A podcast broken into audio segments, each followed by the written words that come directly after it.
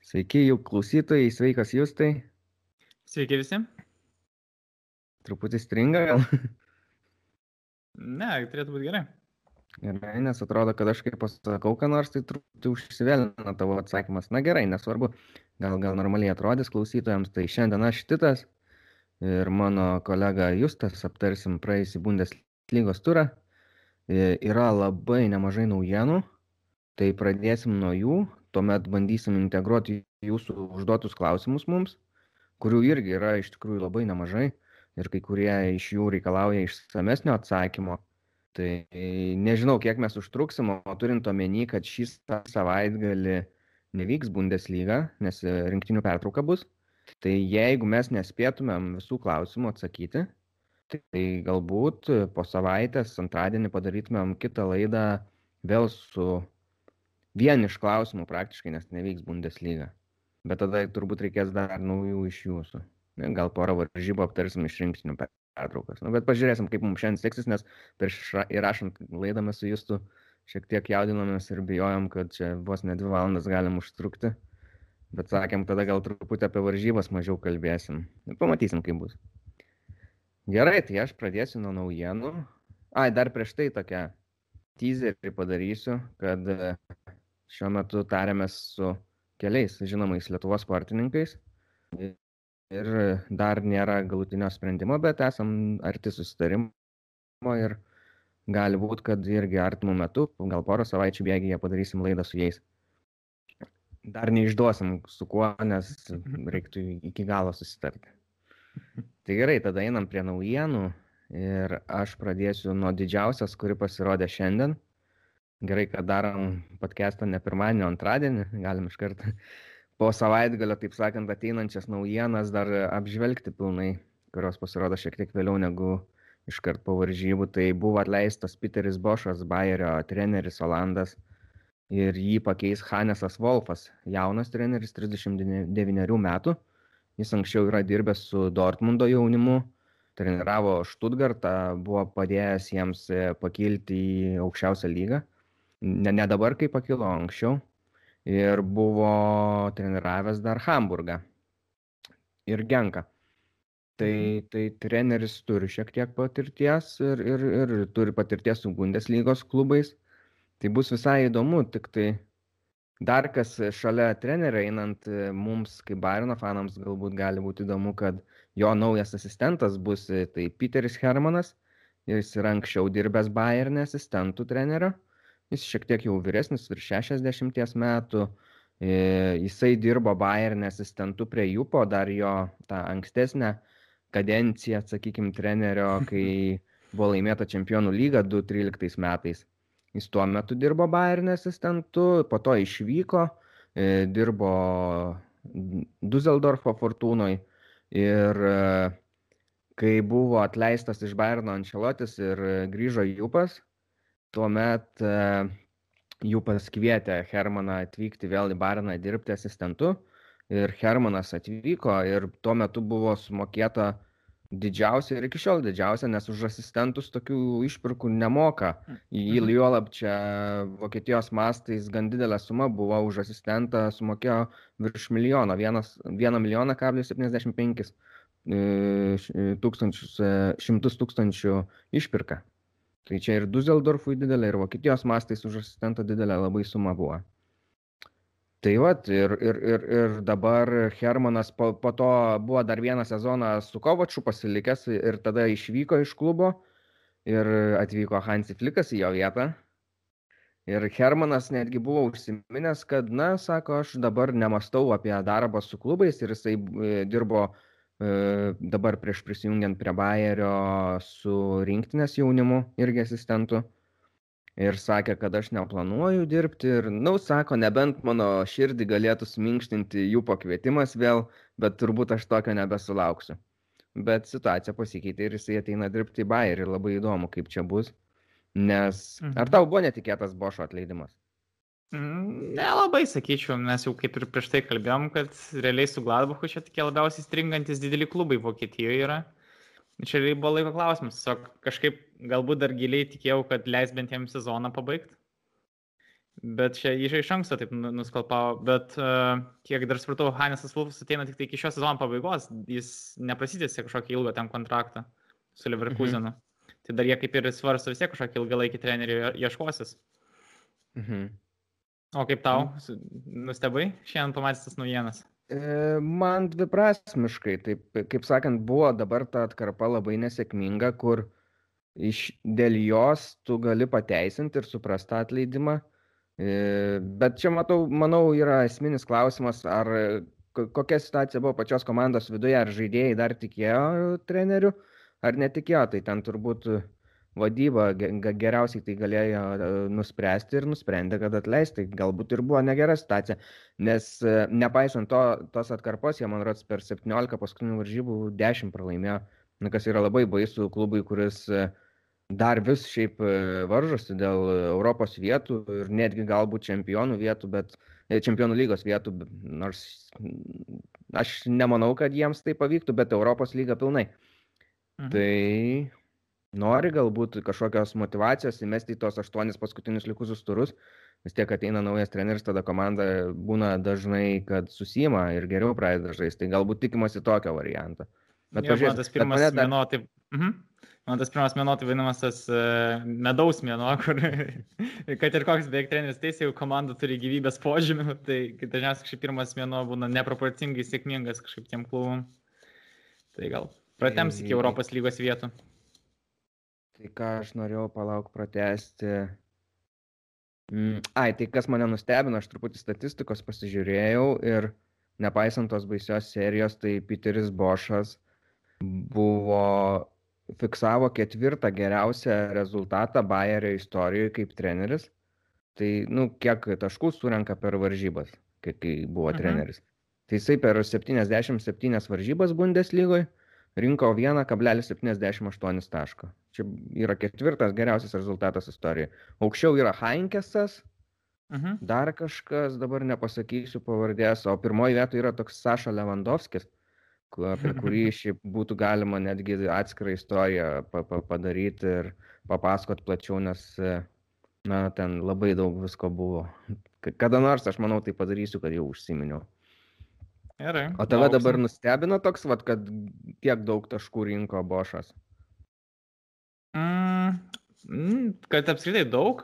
Ne, tai jis praeitą sezoną visai gerai, jis ten atėjo gerai paaiškėjo tą Leverkuseną ir šį sezoną, ypač pradžia buvo jiems ypatingai sėkminga, nes jie ten buvo kovoje dėl titulo dar pirmoji sezono pusėje prieš Kalėdas. O šiaip Bošas ir su Dortmundu iš pradžių rodė labai gerus rezultatus, jie turėjo tą 9 taškų pranašumą ir prieš Bayerną kažkada, bet jam matyti jau antras klubas, kažkaip antroji to sezono pusėje subirojo tą komandą. Tikriausiai dėl to, kad tas futbolas vis tiek remiasi to tam tikro panašių žaidimų gal į Bayerną, kad yra ta aukšta gynybos linija, visi presinguoja ir esmė, kad tai yra susijęs vis tiek su daugiau didesniu nuovargiu.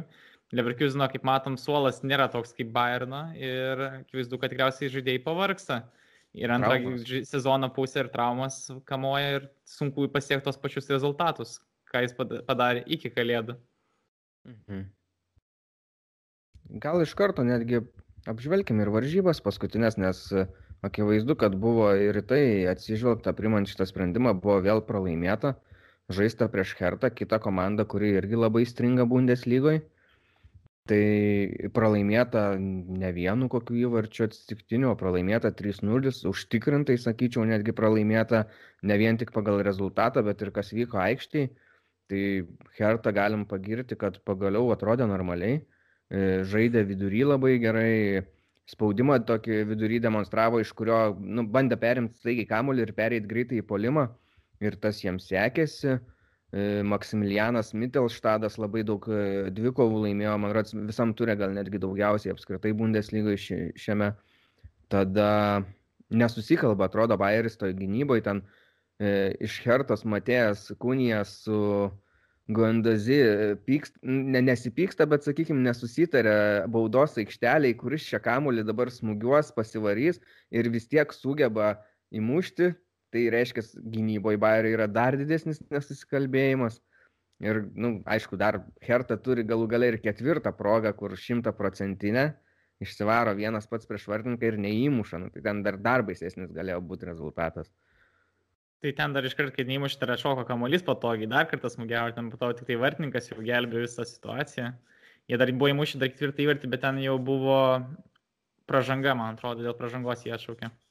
Mhm. Tai jo, ten šiaip e, Leverkusenas gal pirmam kelnyje turėjo tik tai, buvo atsidūrę tik tai pavojingose progos, bet netliko nei vieno pavojingo smūgio į vartų plotą. Ir antram kelniui tai nieko bet geriau nebuvo. Ten... Šikas gerą labai tokį iškišo. Jo, niekas tai čia antram kelniui jau buvo. Bet ten tiesiai vartininkai jis jau ėjo, taip net labai atrodo kažkaip atmestinai tas atliktas smūgis. Bet jo, Herta tikrai čia pelnytai laimėjo ir atrodo labai gerai, ypač tas tie įvarčiai, šiaip neblogytas, pirmas ir antras, ypač kur Zifaik ten iš vis ten kaip virpsta, palėtė su to pirmu savo smūgiu, smūgiu ten labai stiprus ir sunkiai ištraukiamas vartininkų smūgis.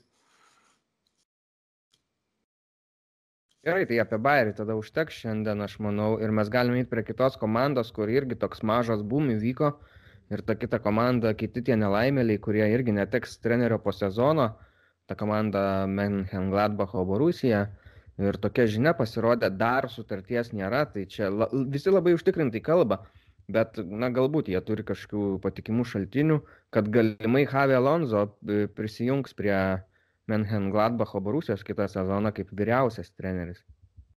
Kai kaip tave šitą žinią šiek tiek šokiravo? Nu, kai štai išgirdau, va čia tai buvo tai jau tikrai netikėta.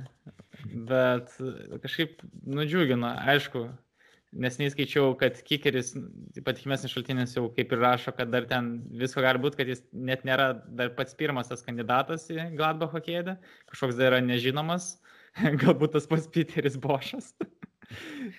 ir... Bet net, man rodos, taip ir kalbėjom paskutinę laidą, svarstėm, kad galėtų. Ten Haga, apie Ten Hagą dar galvom Bošą jo. Jo, a, jo, Ten Hagą, kad sakėm, Olandų dezantas ir Gladbachą ateis gal. Jo. Bet šiaip įdomu su čia Bilonzu tai, kad jis treniravęs ir realo jaunimą, ir pasinius metus real susidado uh, dublerius. Ir visai galbūt ir jam į naudą to padaryti žingsnį tą jau pirmą komandą kažkokias lygos ir Gladbachas, bet įdomu būtų tik tai ne per aukštos kokybės jam komanda kaip pirmam tokiam rimtesniam darbui.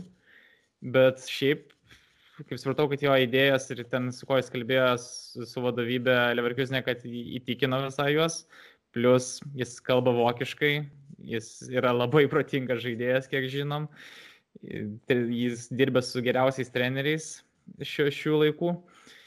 Tai visai būtų įdomu jį pamatyti, nes jis ir, hmm, kaip sakant, jau mes turim Bundeslygai daug jaunų žaidėjų iš svetimų šalių atvykstančių čia tobulėti, tai būtų įdomu matyti, kaip atvyktų vokiečiai tokie, o tiksliau treneriai, bet ne, vo, ne vokiškos tokios kultūros, ne Austrai, o šveicarai, o va, iš Ispanijos jau vis tiek tokia, tai būtų egzotika jaunas mhm. ir toks legendinis žaidėjas. Nu, kaip, kaip tu svarstai? Sutinku, kad būtų įdomu tai faktas ir įdomu ne vien mum, bet bus ir Bundeslygai nu, daugiau dėmesio iš pasaulio, nes Javi Alonso, kaip bebūtų, yra aukščiausio, aukščiausios klasės buvęs žaidėjas, čempionas tiek Europos, tiek pasaulio, tiek čempionų lygos. Tai čia apie klasę nėra jokių abejonių, tik tai vat, kaip treneris, man keistokas tas pasirinkimas, nes natūraliau atrodytų galbūt pasibandyti Ispanijoje kaip asistentų, vat, normaliam gal iš pradžių klube netgi. Tada imti vyriausio trenerio kėdę irgi Ispanijoje, arba vyriausio trenerio kėdę Ispanijoje žemė lygoje. Bet vat, iš karto taip į Vokietiją, bet tu sakai, kad Javi Alonso moka vokiškai. Tas yra tiesa, jisai protingas žaidėjas, jisai atvykęs į Bayerną jau po poros mėnesių labai intensyvaus mokymosi vokiškai, vokiškus interviu dalino jau. Tai nėra natūraliai kalbantis žaidėjas, ne vokietis, bet, bet jeigu jisai tas žinias kažkiek palaikė ar, arba vat, dabar yra dar laiko prisimins per iki pradedant treneriauti Gladbachė, tai to karje, kalbos barjero, kuris aš manau Vokietijoje yra labai svarbus, neliks, tai tada visai įdomiai atrodys. Plus dar žaidžiant jam e, Riumenigė buvo irgi užsiminęs, e, kad sako, aš jį pilnai matau kaip trenerį ateityje ir sako, aš manau, netgi pasakė, kad aš jį matau grįžtant į Bayerną po kažkiek metų, kai jis tam bus pasiruošęs. Na tai natūralu, ne kaip žaidėja, matė kaip vėliau. Tai Havelonzo gali būti toks variantas.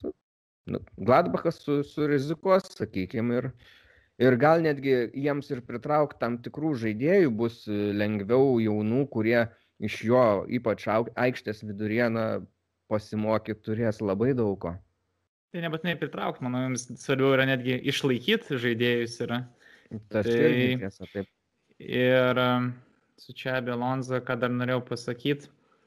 Ai, tas dar gerai, kad jis ateina tokį klubą, bet kas gal jam yra šiek tiek čia būtų iššūkis to, kad jeigu jis liktų Ispanijoje, jis tiek, bet kur jis čia buvo, Realė, Sociedadė, visi klubai, su kuriuo jis, nu, vienu kitaip ar jis yra žaidęs, turi kažkokių ryšių, Taip taip toliau. Ir čia jau būtų toks jau darbas, kuris jau neturi kažkokio užnugario, kuris jau turi jau grinai jau atlikti savo darbą, čia jau niekas jau ne, neapsaugos. Vat ir būtų įdomu iš tikrųjų, nes to ir skiriasi, kad jau jį jau rinktųsi irgi ne dėl to, kad vien dėl vardo, o jau tikriausiai dėl to, kad jis jau turi kažką pasiūlyti tam klubui. Mhm. Ir dar atsimenu, šiaip gal iš tokio kaip žaidėjo, dar perspektyvos, kad gal dar 12, 13 metais kai dar jis buvo realę, kai dar Jurgenas Klopas apie jį atsiliepė, kai jie žaidė prieš realą su Dortmundu, ka, kai jo vis klausinėdavo, kaip jūs čia ruoštės stabdyti Kristianą Ronaldą, jis sakė, man sakydavo, kad Kristianą Ronaldą mes nestabdysim, mes bandysim sustabdyti čia apie Alonso tiesiog. tai jo, tai čia va toks va žaidėjas, kuris visas žaidimo grandis taip apjungia ir gali kontroliuoti ir dažniausiai kažkaip saugai ir būna tokie geri treneriai. Mhm. Gerai, pamatysim jau greitai pasibaigs sezonas ir pamatysim, ar tai iš tiesų įvyks, ar jisai prisijungs ar ne. Dar pabaigiant apie Gladbachą, tai e, savaitgalį buvo Mateuso gimtadienis, 60 metų jubiliejus, tai daug mhm. visko buvo apie šį futbolininką ir mes nekartą jau užsiminėm apie jį, o jisai užsiminė apie Rozę dar kartą. prieš, prieš tai skatino atleisti, kad sako, reiktų jau čia jį atleisti, nors nieks turbūt labai ne, neprivalo atsižvelgti jo tą nuomonę, bet jisai dabar atskleidė, kad supranta, kodėl negali atleisti rozės. ir sakė, liktai sužinojo ar pamatė kažkokias sutarties detalės, kad, žodžiu, jeigu jie atleistų dabar rozę, tai tiesiog iš Dortmundo negautų išpirkos. 5 mhm. milijonų, tai kas visai irgi ne, neblogai. Tai, tai rozė tikrai turbūt bus iki sezono galo jau be abejonės čia. Galim vėl pratęsti tada rinktinės trenerių temą, bet e, gal dabar netiesiogiai prie rinktinės einant to apie Ragniką, tai Ragnikas oficialiai atmetė Šalkės pasiūlymą, kad jau jokių čia man nebeduokit, tikrai ne, Šalkė mano širdį, bet ne.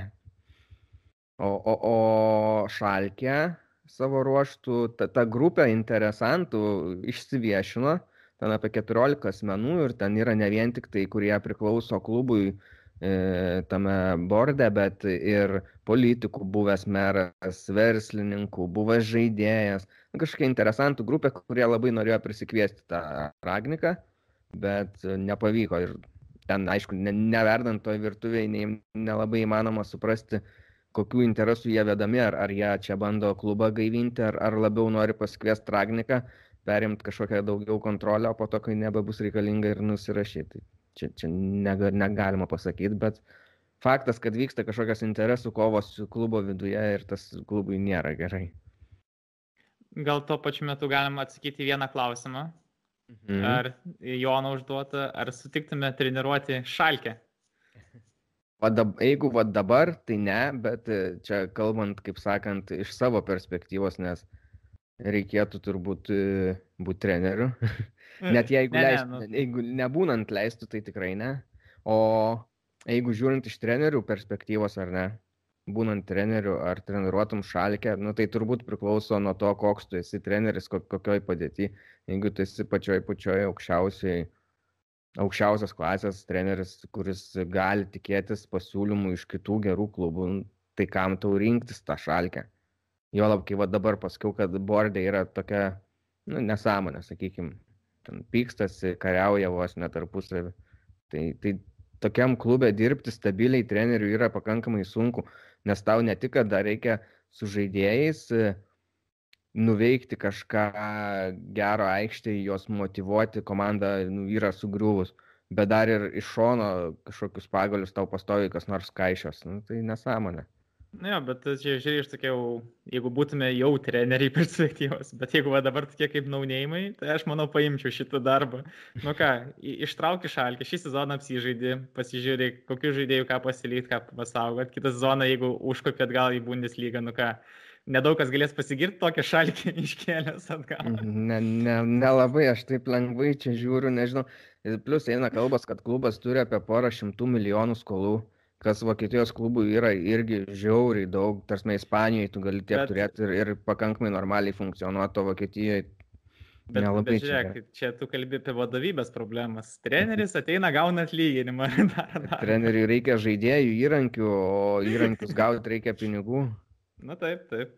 Tas Nežinau, čia, čia nebent aš matyčiau kokią klubo legendą, va, žinai, žmogus, kuriam iš tikrųjų yra artima ta šalkė ir kuriam jinai rūpi ir jisai ateitų padėti, tai ok. Bet šiaip tai lab, nu, nelabai nesieksi vietą.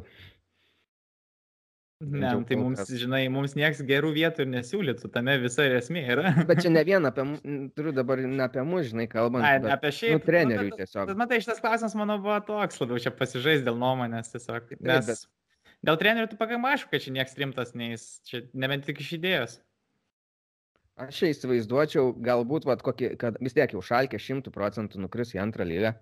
Tai antros lygos klubo, kokio nedidelio klubo, su kuriuo tu, nu, sakykime, nelabai turi šansų patekti pirmą ar ne, tai galėtum eiti va bank ir pasimti šalkę, kad, nu, apdruk ten susitvarkys kažkas ir tu kokių, nežinau, gal penkių metų perspektyvoje turi galimybę pakilti aukštesnę, bet tau reikia tos penkis metus išlaikyti šalkį, kas irgi ir, nu, nelabai.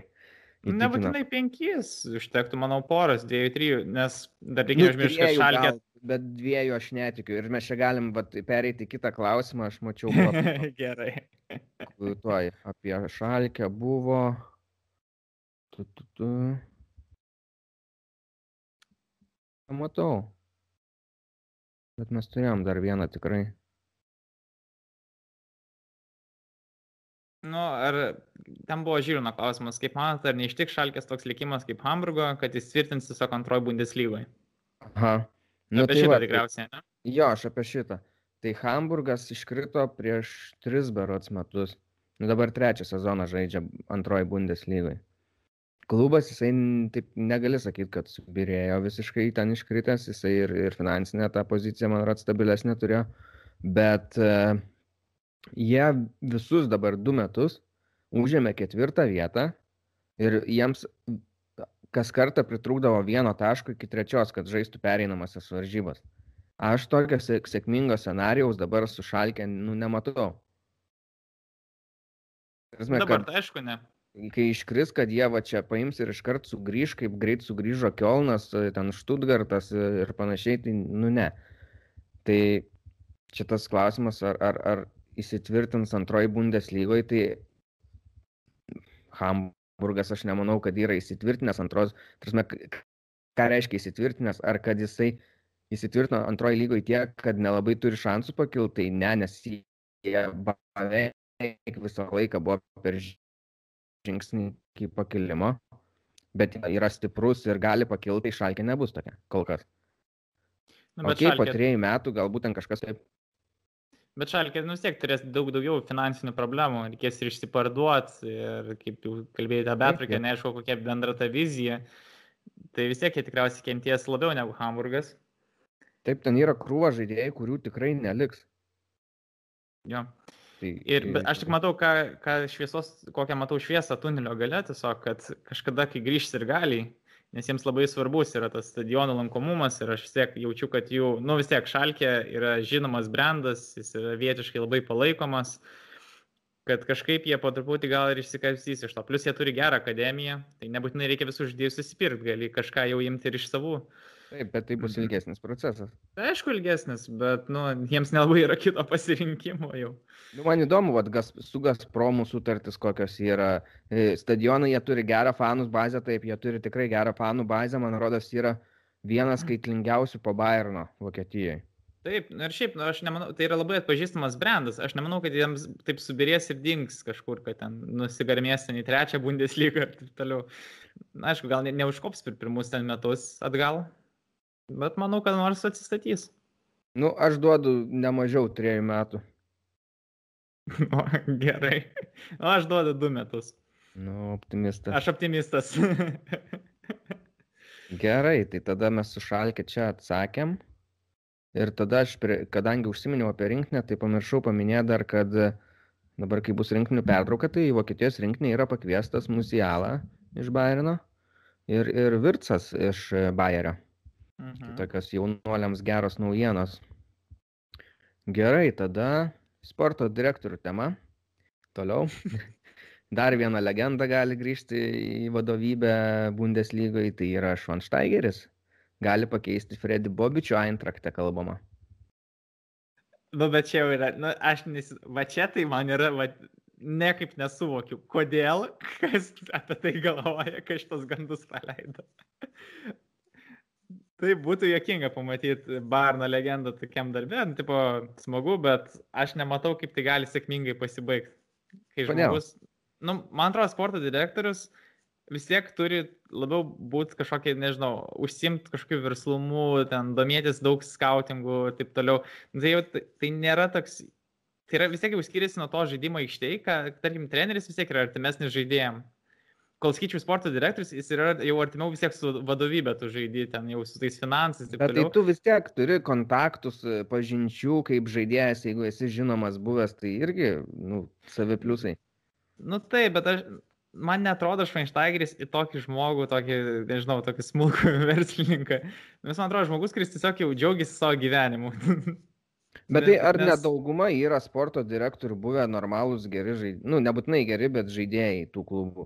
Ne, tai daug kas yra, tai tas pats Brazo yra toksai. Nu, Brazo viskas aišku. Bobičius taip. irgi yra žaidęs, tai, taip. nu. Boleris, Bayerį, man rodos. Nu, taip, bet tarkim, jeigu, tarkim, lygint, va, tarkim, Lamas, man yra panašus į sportinį direktorių. Nu, man kol kas yra sunku tai sudėti į žodžius, ką aš turiu omeny, bet, nu, man Šaištagis tiesiog nepanašus savo būdo, elgsenas ir panašiai, kad jis yra va, toks sporting director material, kad, va, aš niekada iš jo žaidžiančio ne, ne, nebūčiau pagalvojęs apie tai.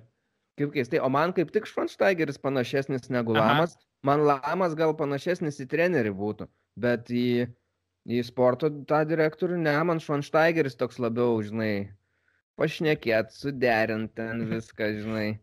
Sanderis, o ne įvykdyt. Nu, nu. gal. Na, aš gal tiesiog nu, Lamas, žinai, gal per ramus yra kaip trenerio darbui, jis toks jau visiškai atrodo viską pasiliekantis už scenos. Nu, pamatysim. Šiaip kažkada buvo kalbama, kad Šonštaigeris ir Bayerną gal, bet, bet po to nutilo tos kalbos. Nu, jis tikriausiai vienu ar kitu būdu kažkur Vokietijai pasirodys. Mano. Nu. Tai turėtų kažkada čia. Vis tiek tie futbolo žmonės po kažkiek laiko nu, pasilgsta to futbolo, baigia karjeras ir tam tikrą kitą formą bando grįžti į jį.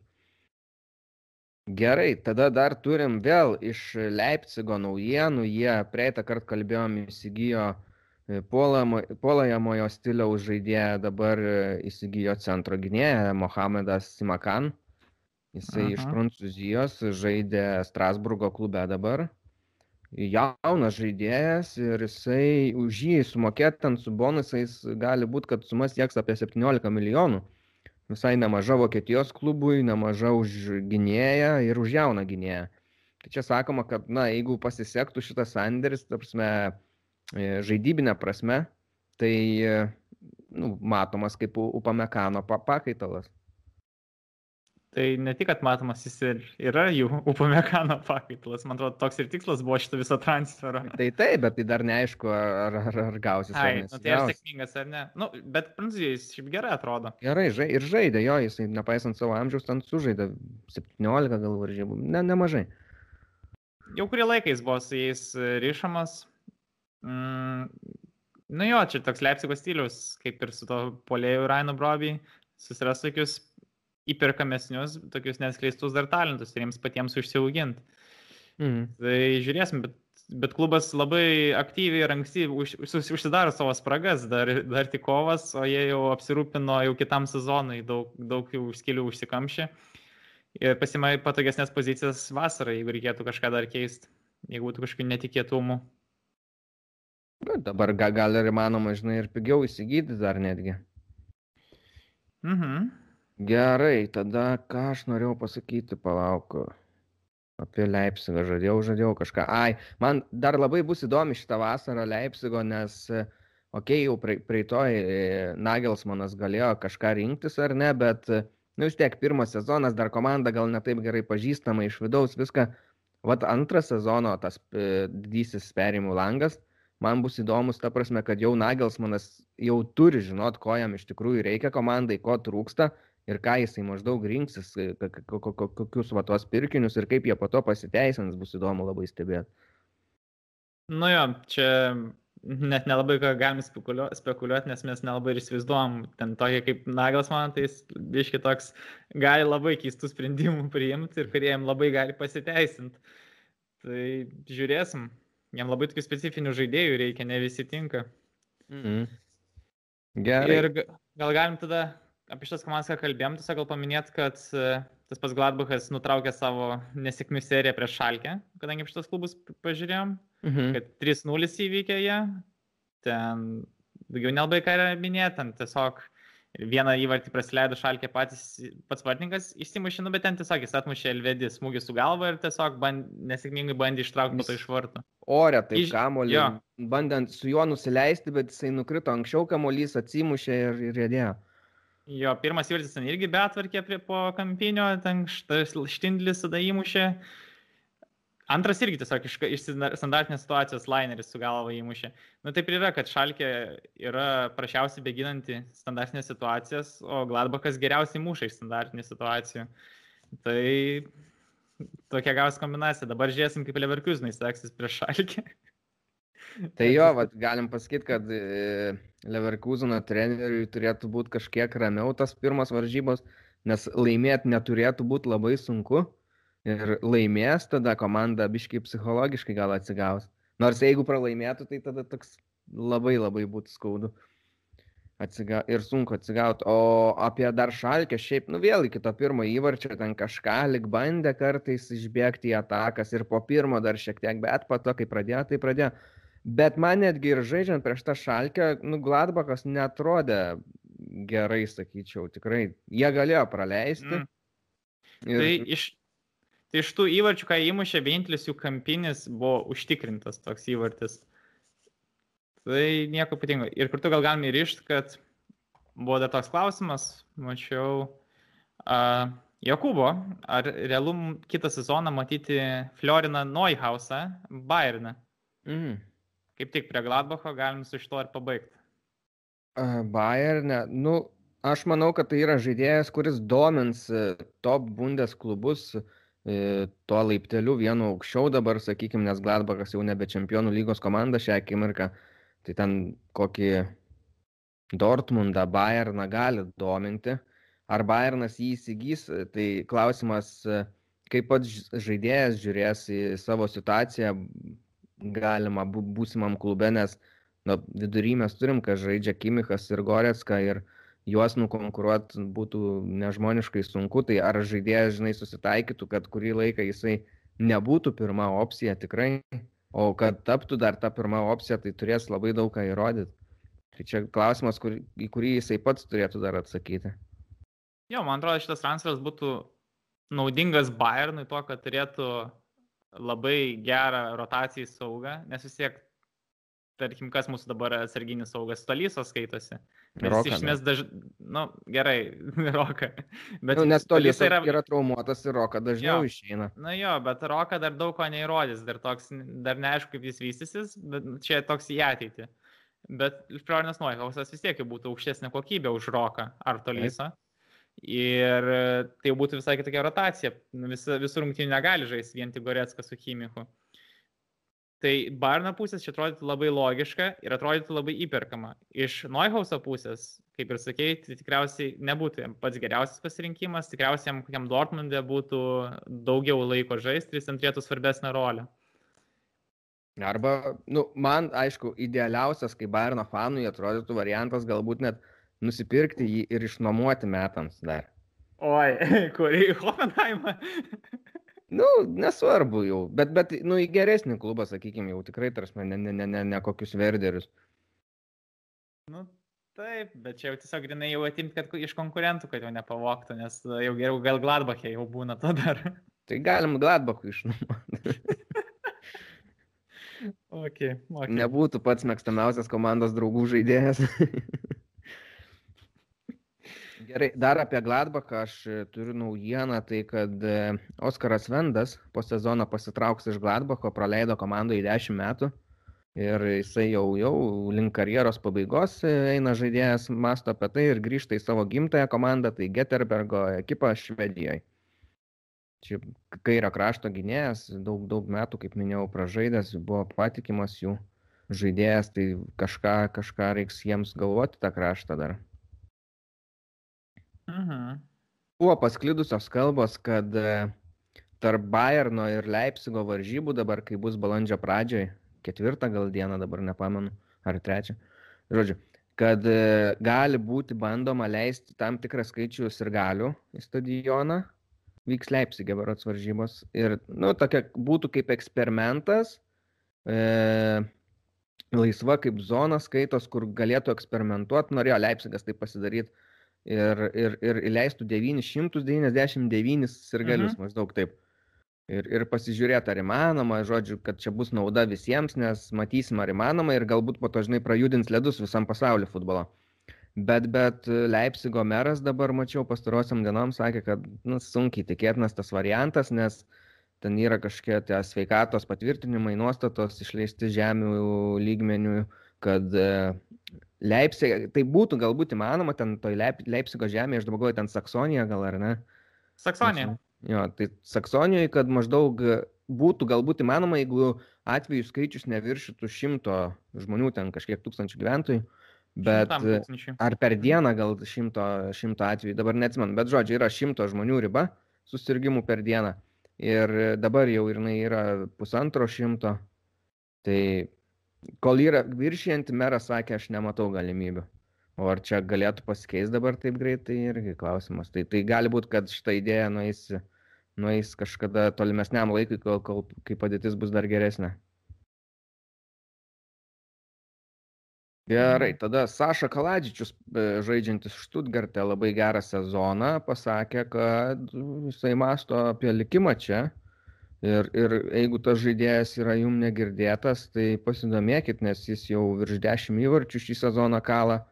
Niekas čia iš jo taip nesitikėjo, jisai varo, varo, varo, vos ne kiekvienose dabar varžybose. Muša, nu, prieš Bairną neįmušė Štutgartas, tai jo serija sustojo, bet prieš tai tai buvo įspūdinga, ten kokias 5-6 varžybos gal, kai jisai mušė iš eilės. Septynės, man atrodo. Septynės? Ir jeigu būtų įmušęs aštuntas, būtų išlyginęs Fredžio Bobišio tą rekordą, kur aštuonias varžybas iš eilės muša. Va, na tai va, prašau, to, tokio lygio žaidėjas e, pasirodė Bundeslygoje šiais metais. Ir jisai prieš Barną, kai žaidė, jis turėjo pavojingų progų, labai nori tas tavo du kartus su galva, taip gan rimtai. Pereisim prie tų varžybų, mes neužilgo. Mhm. O dabar turiu naujieną ir tuo pačiu su klausimu, tai Holando išstojimas, pasipiktinimas, tarkim, ar ne, kad mhm. Jei Dort, e, Jonas čia klausė, jei Dortmundo Borusija nepatenka kitų metų čempionų lygą ir klubą palieka dabartiniai lyderiai Halandas su Sančio, kas tada jų laukia? Čia turbūt Dortmundo.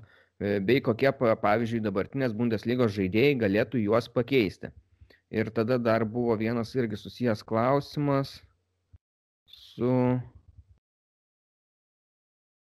Gedriaus berots. E, Mhm. Kalbant apie Hollandą ultimatumą Dortmundui, ar žaidėjai gali kelti ultimatumus klubams? Jei taip, jei taip, jūsų nuomonė, kokie žaidėjai galėtų taip elgtis? Būtų išgirsti smagu nemesi Ronaldo. Ačiū. Gerai. Tai gal pradedam nuo, ką, kaip gal Dortmundas pakeistų Hollandą ir Sančią. Gal nuo šito pradedam tada. Gerai. E, tai reiktų polėjo, bet e, polėjo, aš kažkaip žiūrėčiau optimistiškai, dabar nu, dar nesugalvojau greit pavyzdžio, bet optimistiškai vien dėl to, nes žiauriai sekęs Dortmundui pastaraisiais metais su polėjais, jie ką pasimdavo, tas pritapdavo ir muždavo ir nesvarbu iš kur ir kokį žaidėją imdavo. Pasiemė iš Ispanijos e, pako, mušė įvarčius, buvo puiku. Tato, po to buvo iš Čelsio, ar ne, man rodos, atėjęs tas... Bačvai. Bačvajus jo, irgi mušė įvarčius puikiai.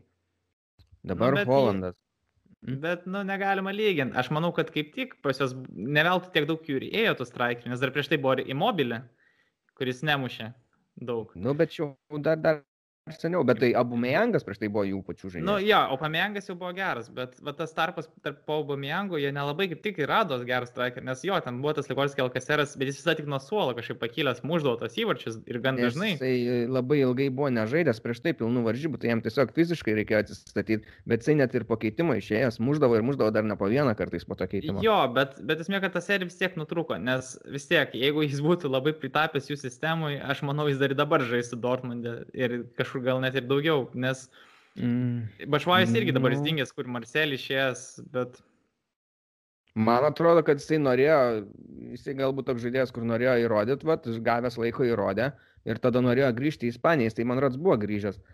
Bet po to jau, nu, kažkas, kur jau jam kitur nenusisekė, tai čia jo bėdos, ok, bet Dortmundet man tai jisai labai gerai atrodė. Nu, bet tik statistiškai, nes man atrodo, jis nelabai prisidėdavo prie presingo, prie komandos kamuoliai žaidimo, tarkim, nu, visą tai, ką turi jie Holandė. Jie, vat, atrodo, kad Holandas ir tašdės, koms vat, reikėjo prieš du metus, kokius, ten trys metus, jiems vat, trūko va, tokio žaidėjo. Bet Mhm. dabar problema yra, kai turi tokį žaidėją, jie nebeturi jau gynybos tiesiog, nes ten tiek skelių yra dabar, Humelso gaila man tenais vieno stovinčio. Gerai, tai kas galėtų juos pakeisti iš dabartinių Bundeslygos žaidėjų?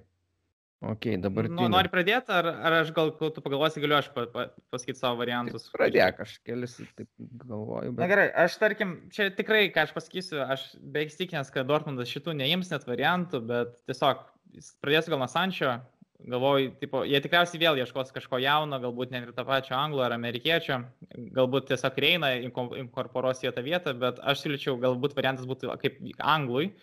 Pasimti yra toks Chelsea, nepritapęs Vingeris, kurio Bayernas labai domėjasi ir tas Kolmas Hudsonas Adoj, kuris kaip tik ten dabar nelabai gauna žaisti, tai galbūt Dortmundas pasinaudos Bayerno skautinimo sistemą ir prigrieptų jį.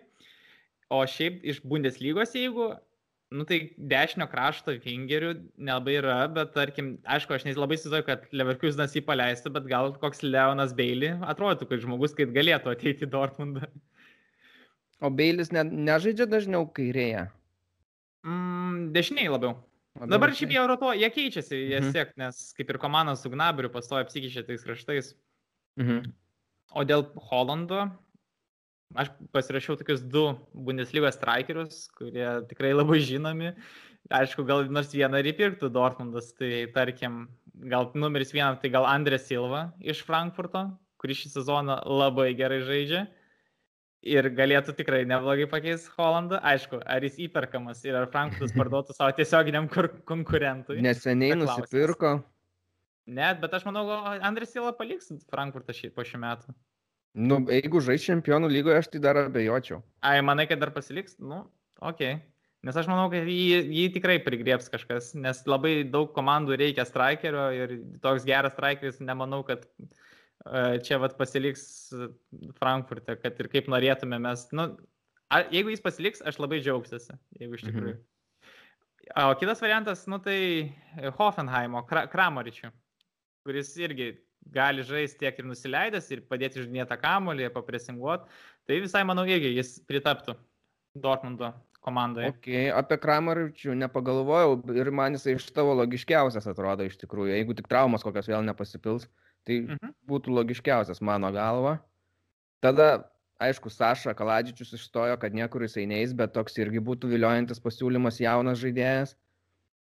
Tada, e, nežinau, gal iš Hertos kažką būtų įmanoma prigriepti, nes jie ten jų turi nemažai ir, ir, ir turbūt ne visai pigiai vis- at- atsieina visi, o jų, jiem jų tiek nereikia. Tai ten netgi kokią kūniją matėją galim paimti. A, vietoj Sančio gal visai nieko. Mm. Arba Tai Lukė va. Bakijo. Lūkė Bakijo, nu, man jis biški toks ir, nežinau, nu, gal. Petekas irgi jį panašus, tai... Palauk, jie dar kažką turėjo. Ai, nu, Kordoba, bet jisai biški per silpnas būtų Dortmundui, aš manau. Ne, manau, jiems kažką jau stipresnio. Nes jie, tų, jie turi vis tiek, dar aš įsivaizduoju, kad jie turi tą viziją, kad ateityje jie nori užsiauginti Jusufą Mokoko vienaip ar kitaip ir jį įkorporuoti savo Mhm. komandą. Tik tai problema, kad jis dar per jaunas yra tokiai roliai. Tai vis tiek reikia kažkokio pagrindinio tokio polėjo, bent porai, trim metų daugiau. Dar, nu, šiaip Bayerį galima dar apiplėšti. Visada. Diabi, jo, okei, okay, Diabi dažniau gal kairiai žaidžia, bet įmanoma. Tada e, Alarijo. ne? Na, jo, jis ant suolo dabar sėdi, kodėlgi ne? Nu. Gali ateiti. O, o, o daugiau tai turbūt. Tai, man atrodo, ir užteks tiek variantų. Iš dabartinių, kas bundė, bet tai aišku, jie pilnai gali nebundė apsipirkti. Nors tavo Hudsonas Sodoji, kaip minėjai, tai ten Čelsis atrodo, kad visas pastangas deda, nors ir nelabai duoda žais, bet visas pastangas deda, kad tik niekas jo nepaimtų ir vos negriežtai mhm. jau. Tai aš vien dėl to dėjočiau, kad pats Čelsis nepaleis jo. Na, nu, bet žinai, situacija jau keičiasi, jau kitas ant treneris ir niekas per daug negauna to žaidimo, plus gal ten, žinai, kaip sakant, Dortmundui parduoti nėra tas pats kaip Bayernui parduoti. Vienai ir kitaip tikriausiai Bayernas yra tam konkurentas ir Europoje, o Dortmundas, nu, toks dar galimas, bet nėra toks jau aiškus. Gerai, ir tada dar buvo su to pačiu susijęs klausimas, tai kas dar jų laukia, ta prasme, mm, jeigu prarastų abu du lyderius, nes jeigu skaičiuotumėm šių dviejų žaidėjų sukūriamus įvarčius ir asistus, nu, tai yra didžioji dalis komandos turbūt skaičių. Tai taip, tai čia gali būti labai, labai blogai, bet įdomu ar pavyks amortizuoti, nes, nu, komanda kažkaip egzistavo be jų prieš tai. Bet per paskutinius metus Hollandas iš vis kiek jis dar net dviejų metų nėra šiame, virš metų tik tai yra komanda. Metus su, su trupučiu, bet Sančio jo. tai yra jau virš dviejų. Jo, Sančio tai daugiau, bet esmė, kad vat, net Hollandas per vat, tą laikotarpį vis tiek tapo tokia esminė komandos dalim ir sunkiai pakeičiama ir Sančio irgi. Tai ten bus didelis skilė ir aš nesizduoju, kaip jie užkamšys. Net visus šitos žaidėjus, ką minėjom, manau, paim bet kokius du, jie vis tiek neprikurs, nepadarys tiek pat, kiek Sančias Hollandų pas juos darė. Mhm. Tai tikriausiai arba kažkam iš esamų reikės labai pakelt savo lygį, arba kažką ten stebuklingo atras. Nu, bet tikriausiai tikėtina, kad tikrai jų lygis kris. Tai visų pirma, turbūt žaidimo stilius keisis, aš manau, nes Dortmundas vis tiek yra dabar tokia bėganti, tokia uraganiška komanda vis dar, kur ant gynybos atrodo daugiau tų problemų. Uh, kai, kai ateis Rozė, tai jisai su Gladbachu šiek tiek kitaip jau žaidžia. Ir jeigu praranda Hollandą su Sančio, tai ir žaidimas komandos, man rodos, irgi keisis. Jis nebebus toks vien tik į, prie, į priekį orientuotas. Gal daugiau kokios kontrolės pajungs ar dar kažko. Ir tie rezultatai gal nebebus ten 5-0 ir panašus. Bus 2-1, 1-0 gal dažniau. Bet jeigu jie bus į jų naudą, tai gal tas rezultatas, na, lenteliai bus netoks ir prastas lyginant dar. Nes nu, dabar, ir dabar su Holandu ir su Sančio Dortmundas vis dar nėra užtikrintas, kad pateks į čempionų lygą. Tai yra jiems blogai. Tie, tie, tie du žaidėjai yra vienintelis dalykas, kas dar palaiko jų viltis ten patekti. tai... tai gerai, žiūrėk, o kaip tik klausimas vėl Jono, ar išsilaikys mhm. Wolfsburg čempionų lygos vietoje, jie dabar yra treti, bei kokį mhm. įspūdį palieka ši komanda. Tai čia klausimas, kurį mes galim tiesiogiai sėti su Dortmundu, nes aš manau, kad Wolfsburgas, nu turbūt labiausiai bent jau šią akimirką konkuruos su Dortmundu dėl to patekimo į Čempionų lygą. Ne Frankfurtas? Frankfurtas yra už Wolfsburgą žemiau ir atsilieka keturiais taškais, bet aš, aš, aš galiu įsivaizduoti, kad Frankfurtas aplenkia Wolfsburgą ir tada jau, nu, iš tikrųjų, viskas dar ir nuo Dortmundo priklausys.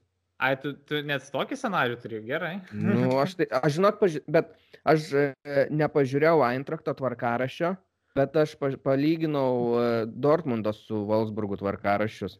Na, tai, Wolfsburgą aš irgi mačiau. Tai ten įspūdinga, nes liko aštuonios varžybos. Ir ten dvi ir... lengvos bus tik tai prieš Mainzą ir Kielną, o, o likusi šešios bus, ten, man atrodo, prieš Dortmundą, Leipzigą, Bayerną, Tai bus keturios varžybos prieš, prieš komandas, kurios yra čempionų lygos, sakykime, tai yra Eintraktas, Bayernas, Leipzigas ir Dortmundas. Ir dar Štugartas ir, kažkur ten bus, dar Unionas. Tai jo, bet ja. žinai, dar lyginant galiu pasakyti, kad Wolfsburgas susitiks iš tų aštuonių mačų su visais tais pačiais varžovais kaip Dortmundas, išskyrus du. Tai Wolfsburgas žais su Bayernu ir uh, Kielnu, o mhm. Dortmundas žais prieš Bayerį ir e, Verderį. Visi kiti mhm. varžovai šeši yra tie patys. Mhm. Nu tai čia bus kapoklė gera. Čia, čia dar aštuoniam turam spręsti yra oi kaip anksti. Ir, ir tarpusavio mačas bus labai svarbus, jisai bus keturios varžybos likusios. Tai Nu, ten bet gerai. aiškiau matysim. O kaip, nu, bet tiesiog, gerai, čia mes objektyviai bet o kaip tu jauti, kokia tavo nuomonė? Ar Wolfsburgas vis dėlto atsilaikys ir išliks, ar Dortmundas juos aplenks tada? Nu. Kaip sunku, žinok. Bet gerai, nu tai reikia pasakyti, tai aš galvoju, kad gal išsilaikys, nes kiek yra palauk skirtumas nuo, nuo Eintrak- Eintrakto yra keturi taškai, o nuo Dortmundo, nu dabar aš įmesiu lentelę, jeigu viskas bus gerai ir jūs ją matysit irgi. Man dar Tai nepavyko. Dortmundo jie turi aštuonis dabar taškus. Aštuonis. Tai, tai gerai, išsilaikys, tebūnė aštuoni taškai nėra mažai. Nors ir labai sunkus tvarkaraštis, bet... Nu, Kielna gali apsižaisti. Nu, turėtų jie apsižaisti. Bet šiaip, kiek žiau, jie prieš tas komandas bent e, pirmoji mm, turnyro pusėje dažniausiai lygiosiams sužaidė. Tai dar manau, jie čia parinks taškų, aišku, netiek daug. Bet jo, nežiūrėjus tvarkarašio, aš sakyčiau drąsiai. Jei nebūčiau matęs tvarkarašio, sakyčiau tikrai drąsiai, Wolfsburgas lieka, nes jie žaidžia, bet atrodo, vat komanda, kuri žaidžia pagal savo pajėgumą. Vat, ir pakankamai stabiliai visą sezoną. Nemačiau kažkokių ten labai didelių nuopolių, gal ten būna kažkur ten lygiasias, gauna, kur neturėtų gauti, bet, bet atrodo stabiliai tiek gynyboje, tik tai Leipzigas jos lenkia, ten vieną įvarčių mažiau prasileidę. Tiek ir muša jie visai šį, šį sezoną visai nemažai, jie net už Leverkius neturi daugiau įvarčių. Bekhorstas labai gerą formą demonstruoja. Jisai šiaip visą laiką muždavo apie 10 kokį įvarčių per sezoną, bet dabar jau daug daugiau, 15-16 gal. Nu, žodžiu, gerai. Jo, varo. ir dar aš ir- sakyčiau, esminis Mhm. dalykas yra pas juos gynyba dabar, kai jie visą laiką žaidė tą tokį anglišką, labiau fizišką futbolą, bet šiemet su gynėjais yra, atrodo, viskas gerai. Visi pritampa, kraštai gerai prisijungia į atakas, ten Mbabu, Otavijo. Mhm. Vidury Lakroichas gerai atrodo. Nu, pat pataikyta yra dabar su pirkiniais visais. Ir, ir vat, atrodo, kad kaip ir skainai labai yra subalansuota, nes ir saugų linija gera, ir polimas geras, ir gynyba gera, ir vartininkas geras. Nu, tai jis realiai kaip Gladbachas, tik esmė, kad jis žaidžia pagal savo pajėgumą. Tai reikėtų tikriausiai čia jau dėkoti jų treneriui, Glasneriui, kuris visai neblogą darbą padarė su Wolfsburgu. Tai gerai, sakom, kad išsilaikys abu du, ar ne? Nu, dėl Frankfurto tai čia dar įdomu, Ne, jie su Dortmundu. Dėl Wolfsburgo, bet... Jo, ir Bet tarpusavyje žais po dviejų turų, man atrodo. Ne, kitą turą. Kita? Jo, Frankfur, a, Frankfurtas su Dortmundu, kitą turą o po to su Wolfsburgu. Ai, nu taip, taip, taip, taip.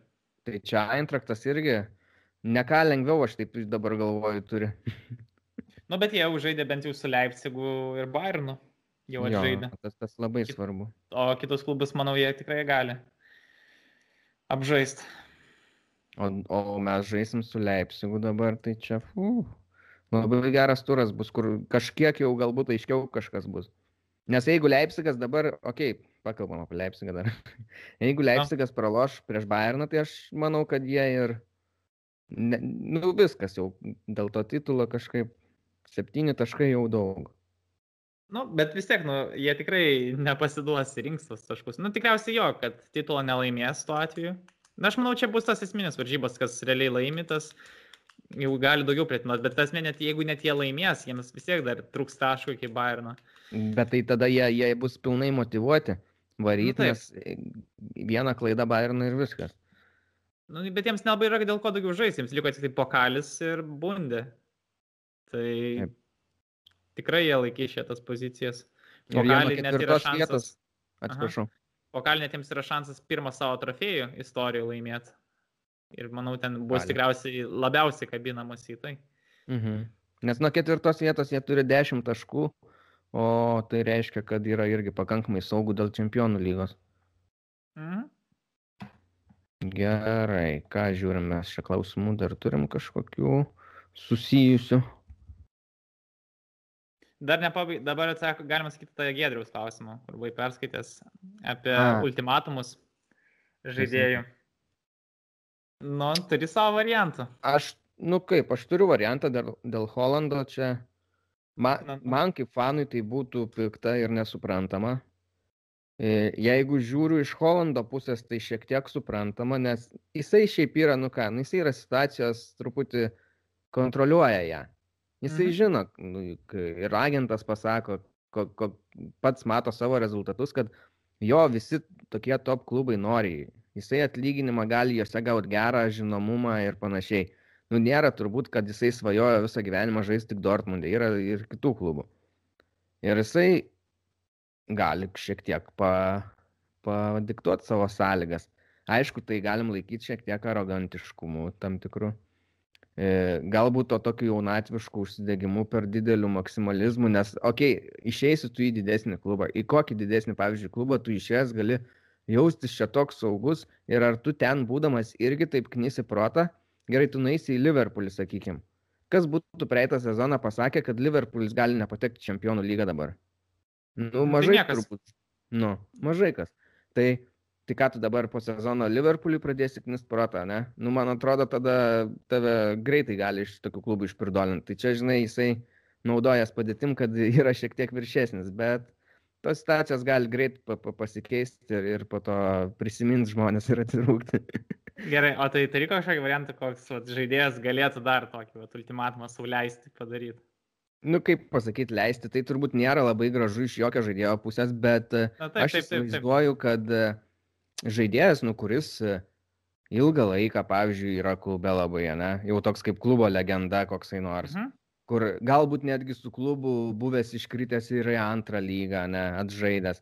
Ir po to, Mhm. nu, pakyla atgal ir, nu, aš įsivaizduoju, tu gali jau, jeigu matai, kad kažkas yra huine, bet ne tai, kad, žinai, oi, čia visi jūs nemokat žaisti, bet, nu, kažkas gal negero vyksta, tai tu sakai tos priekaištus ir reikalauji kažką gerinti.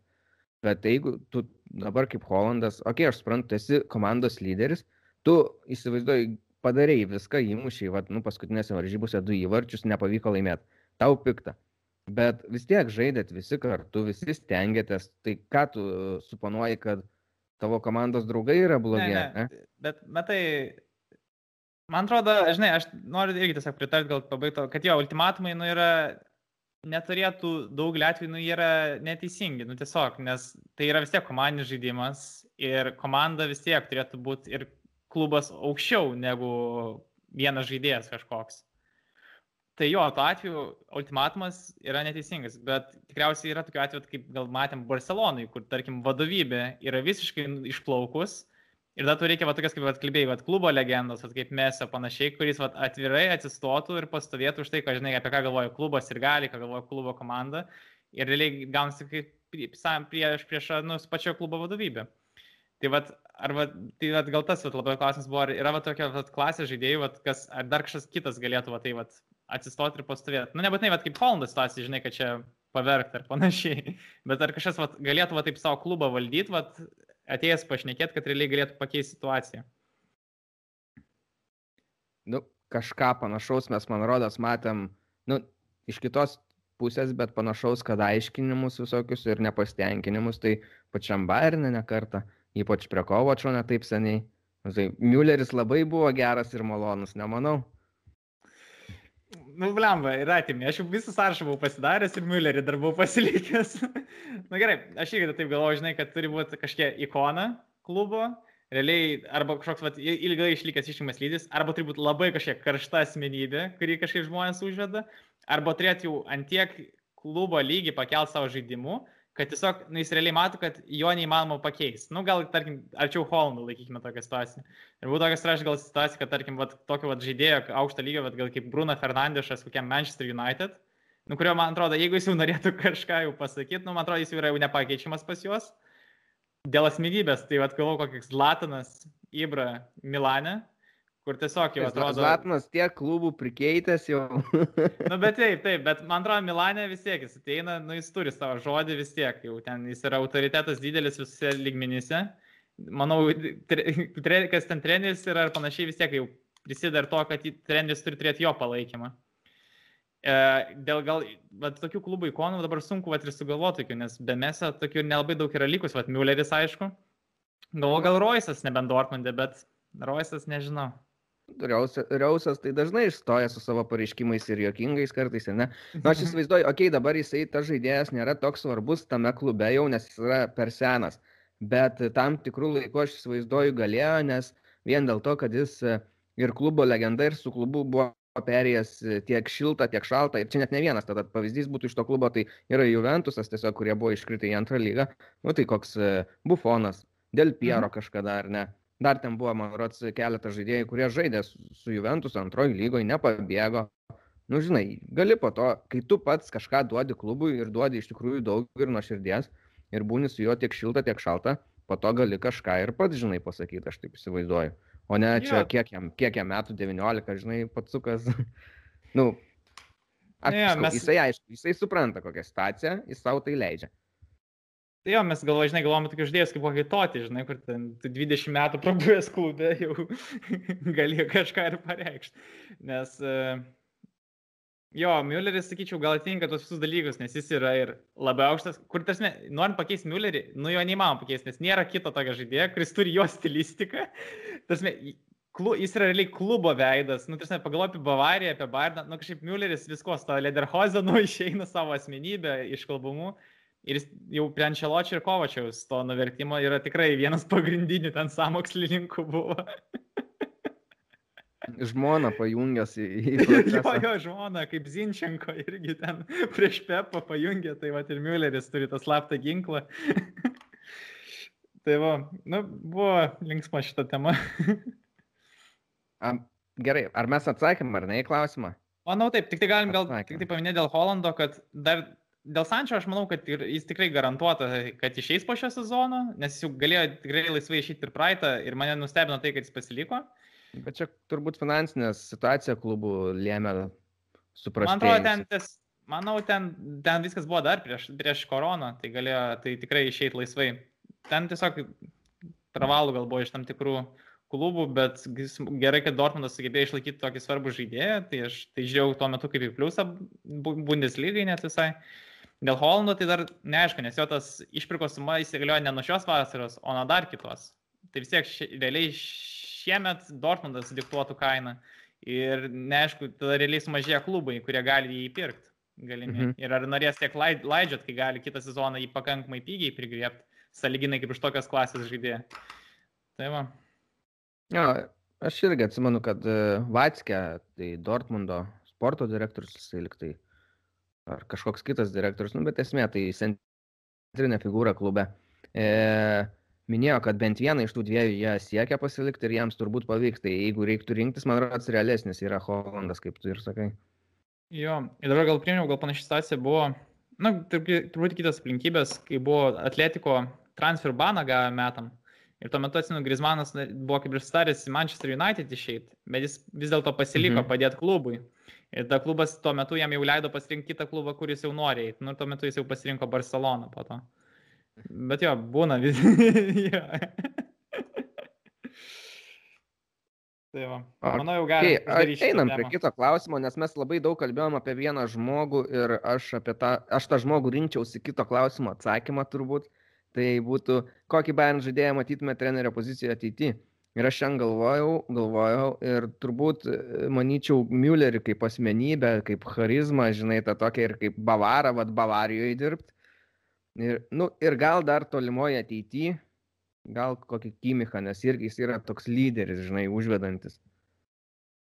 Na nu, gerai, ne dėl Müllerio sutinku. Man tik tai dėl Müllerio atrodytų vienintelis minusas, ko aš nežinau, nes man atrodo, kad aš neįsivaizduoju, kiek jis norės būti susijęs su futbolu, kai baigs karjerą.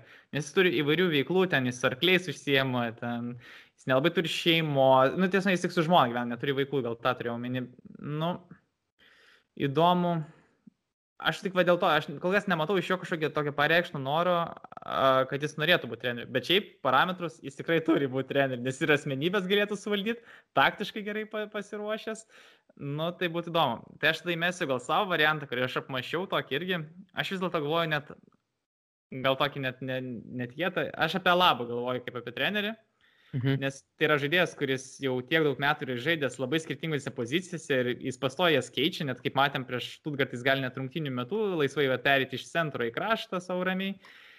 Ir jis Austrijos rinktinį vis tiek žaidžia daugiau centre.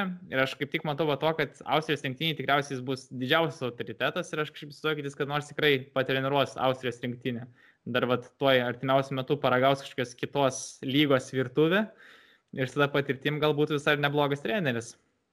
Nu, gal. Aš apie Alabą nepagalvojau. Iš tikrųjų, tai matyt negalvojau apie jį kaip apie tokį variantą, bet okei, okay, aš tavo argumentus užskaitau visai. Su Austrijos rinktinė įdomiai, tu čia. Nors Austrų trenerių netrūksta, jie ir Bundeslygai pasirodo ir po to. Mhm. Gal, gal, būtų pasirinkti jiems iš ko, aš manau dar. Jo, bet jų dažniausiai treneriai būna tas, kad jie nebūna buvę žaidėjai dažniausiai, tie, kurie treniruoja vat, klubus. Mhm. Gerai, kiek mes, o mes jau virš valandos, gerai. Bandom toliau atsakinėti. Naujas čempionų lygos formatas, e, keliantas, keletas komentarų apie jį. Tai tik nuo 24 metų, kiek domėjos prasidės. Nu, kaip suprantu, čia tokia tam tikra, mm, tam tikras kompromisas mm, dėl tos baiminimuose, kad neatsidar, neatsidarytų ta superlyga ta vadinama. Mhm nes vis tiek šitas formatas iš esmės labiau tenkina didesnės komandas, nes visų pirma yra daugiau komandų, jos žaidžia daugiau grupių varžybų. Ir po to netgi, kai tu atžaidži tas, bus dabar vietų šešių rungtynių per grupės, dabar bus garantuotų dešimt vien varžybų, tai realiai vien finansiškai į tai žiūrime daugiau naudos. Ir po to pirmas aštuonios komandos, ten gaunas kaip lentelė. Man tik tai keista, kaip jie atskirs, kas su kuo žaidžia, nes yra 36 komandos, bet bus bendra lentelė, tokia kaip lygos ir top 8 eis iš karto į kitą etapą, kitos 16 apatinės dar tarpusavį sužais atkintamasis, kas eis iš tipo, top 16. Palauk, aš noriu pasitikslinti, nes aš Taip. irgi skaičiau, bet man va iškilo tas klausimas. Tai bus 36 komandos. Taip, ne? dabar yra 32, bus 36. Jo, jo. Tai tada vis, vis tiek jos 10 varžybų sužais, ar iš karto 8 kažkur patenka? Ar kai Jas sužais 8? Kai visos, visos 36 turi sužaisti 10 varžybų. Aha, A, supratau, tai, tai tada jiems oponentus. Taip, jiems oponentus parinkinės pagal koeficientus. Tai aš kaip aš supratau, suprantu, tipo, čia, čia yra... Stipresnėm skaičia... komandom silpnesnės duos, kaip supratau. Aš supratau, žinai, kaip čia yra.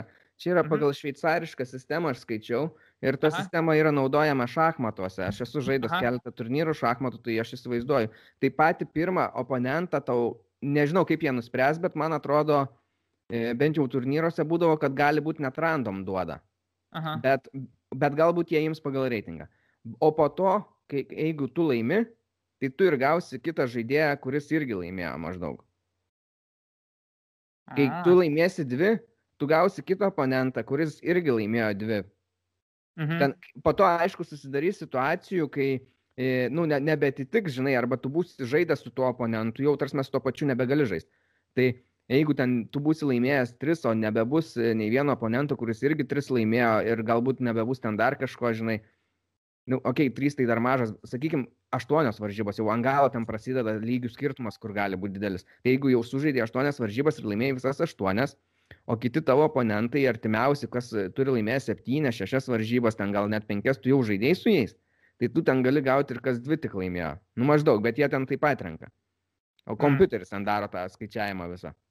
Ne, bet aš skaičiau, kad iš pradžių, nu bent jau iš pradžių tai tikrai pagal koeficientus atrinkinės varžovus. Tai gali būti. Tai nesupratau, ką, ar tipo, stipresnius stipresniais ar stipresnius su silpnesniais. Bet matai, čia yra, tai, kai žaidži šachmatus, ta, tai yra elo koeficientas ir Taip. pagal jį irgi žiūri. Ir po to tą skaičiuoja šveicarišką sistemą irgi palai koeficientą, kokį tu turi jau tada varžybų metu koeficientą. Tai yra ir futbolio koficijantai, kaip dabar Bayernas pagal penkių metų, ten tiesiog paskutinių penkių metų koficijantas vedamas kaip pasiekimai Europoje ir savo lygose. Nors šiuo metu Bayernas ir yra ten pirmas pagal koficijantą. Ta. Tai man būtų visai įdomu pamatyti tokį tipą, tik tai tas, žinai, tu gali labai vis tiek greitai susirinkti tos taškus ant galo, kai žaisi prieš silpnesnius, jeigu esi gera komanda ir dar pralysti tą aštuonetą. Nu, tai ten įdomiai bus. Ir čia toks ir yra tikslas, aš kaip suprantu, kad yra du tikslai, kad padidinti šansus stipresniam komandom patekti į čempionų lygą ir po to eiti kitą etapą, plus daugiau, kad būtų varžybų tarp stiprių komandų. Mhm. Tikriausiai dar tas, kad tavo realiai didėja tikimybė, kad tu susitiksi ten, žinai, bus ten dažniau tokių kaip Bayern City, ten, nežinau, Chelsea, Realas, nu, tokių viskiausių varžybų. Tai va tas tik tai Bet yra minusas tas, kad atsiranda bent minimum papildomas keturios varžybos. Ir realiai ir taip tvarkaraštis nėra dėkingas žaidėjams. Tai realiai mes galim vėl aukoti žaidėjų sveikatą ir jų tų rungtinių kokybę dėl koky, kiekybės tiesiog. Mhm. Plus, kadangi atsiranda keturios papildomos vietos, viena papildoma garantuotai tenka, kiek skaičiau, Prancūzijai. Tai reiškia, Prancūzija prisidės prie tų to penkių lygų, kad irgi turės po keturias vietas ir kažkaip trys išdalins jau mažesniem, kurios dar net, neturėjo vietų. Tai gal liet, lietu, liet, Lietuvai bus patogiau kada nors gyvenime patekti čempionų lygą. Aš dabar galvoju, ar, ar aš išgirdau, ar praklausiau, bet kad e, patektų dar papildomos vietos liktai pagal koficijantą, ar tu sakai? Jo, jo, jo. Sakė, nu, ne? Mhm. Ne, ne, gal nesu šitą, ne, ne, čia dabar patys. Papildomos, jie, tipo mhm. komandos, kurios nepatenka, ten, nu, sakykime, koks Dortmundas ar Manchester United ar Arsenalas, kurios turi pakankamai gerą koficijantą, bet nepatenka per lygą, tai jos patenka pagal savo gerą koficijantą dar. Ai, tai va, kaip. Nu tai va, tai dar vienas toks va, dalykas, kalbant apie Super lygą, kai net jeigu net lygoje nenusiseka, vis dėlto kažkaip gali patekti tą Čempų lygą. Okay, ir aš šiandien pažiūrėjau šiandieninius koficijantus ir Nu, tai nusiminiau, nes akivaizdu, kad tai sistema, kuri labiau vat, padės United, Liverpool, Arsenal, Tottenhamui, nes šitie klubai turi nu, vienus didia, didesnių koficijantų ir kurie gali nepatekti. Ir yra ir Dortmundas tikrai aukštai. Tai ir Ispanijos klubai bus, nes Ispanijos, Ispanijos lyga yra aukšta. Sevilla, dar kažkas, ja. po to Roma, man rods, dar yra. Nu, bet esmė, kad šiaip, nu, didžiąją dalį tai sudarys anglų klubai, va tokie fruktai kaip Arsenalas ar United, kur... Na, nu, matai, bet nieko gero. Dėl to, kad tas Superlygos proponentai daug buvo, nu, kiek prisimenu, daug kas kalbėjo ir Peresas iš Realo, daugiausiai, girdžiu, iš vis kalba, tai Agnelį iš Juventuso apie tą mhm. lygą, kuris pastovi sako, kad vat, net Atalanta, kodėl jinai dalyvauja čempionų lygoje, kai Roma yra daug istoriškesnis tas klubas. Nu ir prasideda toks. Nu, bet tada vat, ir trūksta vat, tokių gal varžybų, tokių, žinai, vat, kaip Juventusas sporto ar ten, nežinau, Dortmundas Sevilla Nu jo. Turtingesni tampa turtingesniais. nu, tokia biški nesąmonė man. Bet aš suprantu, jo, kaip tu sakai, čia jie, jie negalėjo primti sprendimą tą superlygos e, pradinio, kokio jie norėjo, nes užprotestavo nacionalinės lygos. Bet va, jie kažkokį kitą bando tokį lengvesnį variantą. Čia nuo 24, man rats metų jie planavo. Jo, ir iki 33, tai 9 metus būtų toks vat, formatas. Nu, pažiūrėsim, dar yra laiko, dar gali keistis kažkas. Ja. Gerai, dar ką, keletas klausimų, man rodos, mes jau beveik būsim visus atsakę, gal netgi. E, Bayernas turi puikias saugų ir polėjų linijas. Kas vyksta su Bayerno gynyba ir kokios to priežastis? Aš neišskirčiau gal netgi, žinok, čia gynybos, nes buvo ta serija, kur daug praleisdavom įvarčių ir dar pirmi praleisdavom. Tai nežinau, aš tai žiūriu kaip į komandos visos bėdas. Jo, ir aš jau pritarsiu. Ir plus, nu, okei, okay, pavaras tikrai nėra šiemet geras ir dar plus traumų turėjo, tai dar ten Zulė žaidė, Saras žaidžia kartais, nu, toks blaškimasis gaunas. Alaba jau irgi, okei, okay, Alaba, nu, nieko labai blogo negali pasakyti, bet vis tiek jau žaidėjas galvoja apie savo transferus. Berots skaičiau dar, kad atmetė Chelsea ir pasižė pasiūlymus. Mhm. Vis dar tai laukia Barsas pasiūlymo. Tai. Nu tai atvyks su Pamekano, sustiprint tą centro gynėjų liniją ir man rodos viskas normaliai bus, bet vis tiek didžiausia bėda tai yra dešinys kraštas. Aš tai kažkaip tikiu, kad Pavaras atsigaus, kad žais kaip praeitą sezoną. Nu, Bet ir praeitais metais jis nebuvo jau, tarsi nebuvo blogas, bet jeigu vėl reiktų rinkti silpniausią grandę, aš vis tiek būčiau sakęs dešinį gynėją turbūt. Nu, bet, žinai, ne, ne, nereikia ten superstarom irgi. Nu, tarsi, pavaras, kas gerai buvo, kad jis žaidžia, jis žaidė praeitą sezoną beveik visas varžybas, tarsi, be perstojais. Ten, kol neprasidėjo tie paskutiniai čempionų lygos etapai, jis tik tada gavo palisėti, kai traumas gavo. Taip. Bet šiaip jis pastoji žaidė ir jis nu, buvo patikimas. Nu, aš nepasakyčiau, ten labai keltą jo būna ten klaidų, ten kažkokių, bet vis tiek aš labai drąsiai jaučiuosi, kai pavaras ten žaidžia. Jo, jis nėra greičiausias, jis ten nėra fiziškiausias, bet jis susitvarko su savo problemomis, mums savo užtenka. Nereikia, pavarui nereikia būti kaip Deivisui, kad ten draskita visą kraštą, nes jis tiesiog padaro tą nematomą darbą, jis tiesiog pasaugo nuo kontratakų. Gali, kaip, bet kaip Hmm? Deivisas, man atrodo, irgi gerai pasaugo nuo kontratakų, nes būdamas už kokių 10 metrų spėja atbėgti prie to žaidėjo, Nu, taip, taip. yra prieki ir apsiginti. Deiviso čia yra didelis pliusas, bet kartu tai yra tam tikras minusas, nes kartais vat, būna tokių naktų, kur to taip neišeis, nes labai patyrę žaidėjai jį gali tiesiog su korpusu nepraleisti ir tada jam reikia vis tiek prie savo pozi pozitioningo, prie pozicijos reikia padirbėti, bet čia vis tiek ateis su patirtim, tai viskas gerai. Pavaras to labiau, jis polime irgi vis tiek prisidės, turi ir įvarčių, ir asistų, vat, jis realiai va dabar pasinės varžybose Leva ten gražiai prabėgo, ir seniai, kai praleido jis Lewandowski ant lėkštutės, buvo padėjęs tą įvartį, kur galėjai pokerį samušti. Nu, Tiesiog ten nenusisekė. Gerai, tada aš tik tai ta, patikslinsiu iš tavęs atsakymą. Aš sakiau, nes yra dar vienas klausimas, e, koks mūsų Taip. manimų žaidėjas turėtų palikti Bayerną po šio sezono ir Gerai. jo žaidimas netenkina jūsų. Gerai. Tai aš pasakiau pavaras, nes manęs netenkina kol kas, o tu kitą žaidėją vardintum. Uh, gerai.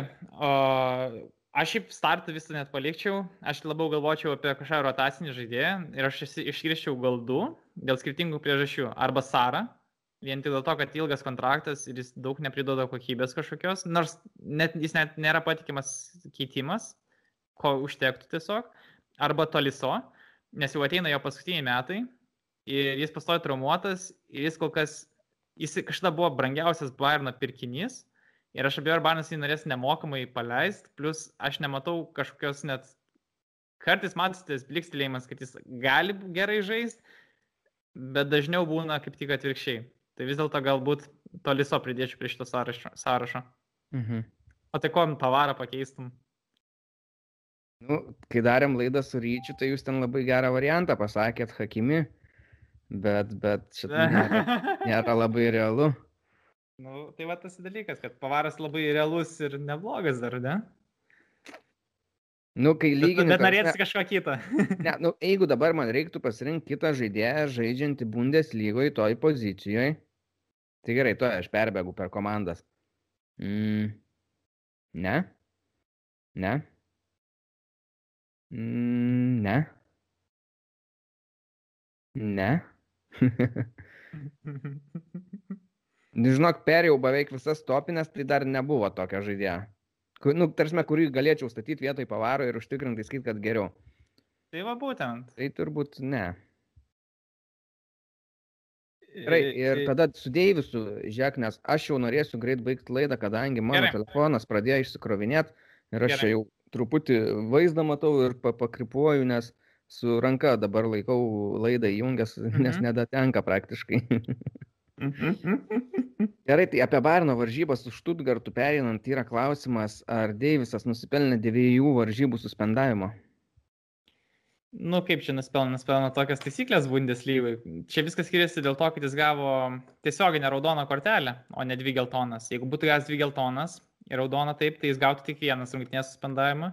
Bet kadangi jis gavo straight red, tada Bundesliga peržiūrė tą incidentą ir dviejų varžybų suspendavimas yra minimali, minimali bausmė, tai aš sakyčiau, kad jinai ir buvo verta minimalios bausmės, nes nu, ten buvo toks tikrai raudona kortelė, bet kartu ir netyčinis veiksmas, ten tikrai jis nenorėjo endo sutraumuoti, tai aš manau, kad viskas ok su dviejų rungtynių bandu. Aš dabar nepabijosiu pasirodyti, kad nežinau ir paklausiu, o tai čia senai bu, yra, kad dvi varžybos, nes aš kažkaip įsivaizdavau, kad vienos galėdavo būti. Matai, nes dažniausiai būna po dviejų geltonų, tada būna vienos, Mhm. bet kai būna ras- iš karto raudona, aš nežinau, kas šitai darytas, pati Bundesliga, tasme DFB, tasme ta visa organizacija, jinai peržiūrė tą situaciją atskirai ir tai Mhm. įvertino, vat kaip su Otavija, jinai įvertino, davė keturių mačų baną jam.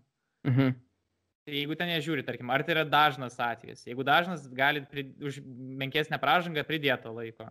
Ten, jeigu ten labai baisus, gali, žinai, penkiem rungtynėms suspenduoti. Toliau. Nu, jie žiūri kiekvieną atvejį tada atskirai ir vertina jį tam kontekste. Supratau, nes aš e, praktiškai ruošiausi atsakyti į klausimą, galvodamas apie e, minimalę vienų varžybų diskvalifikaciją, e, bet e, pasirodo, čia jisai gavo minimalę, tai tada viskas tvarkoja, nes raudona kortelė ten, kaip tu sakai, tikrai buvo. Jis buvo šiaip žiūrint iš traumų galimybės, tai gan žiauriai atrodė, nes Mhm. ten užmynė ir net atrodo kryptelėjo tą lau- e, koją endo, bet, bet e, visą laimę, viskas gerai jam ten baigęs. Tai viskas gerai, gavo dvi, tai Čia- gavo. Čia nebent galima būtų keisti DFB kažkokius įstatus, kad Aš galbūt irgi būčiau nusteikęs, kad čia galėtų būti vieno varžybų banas, nes, nu, tokia situacija tiesiog.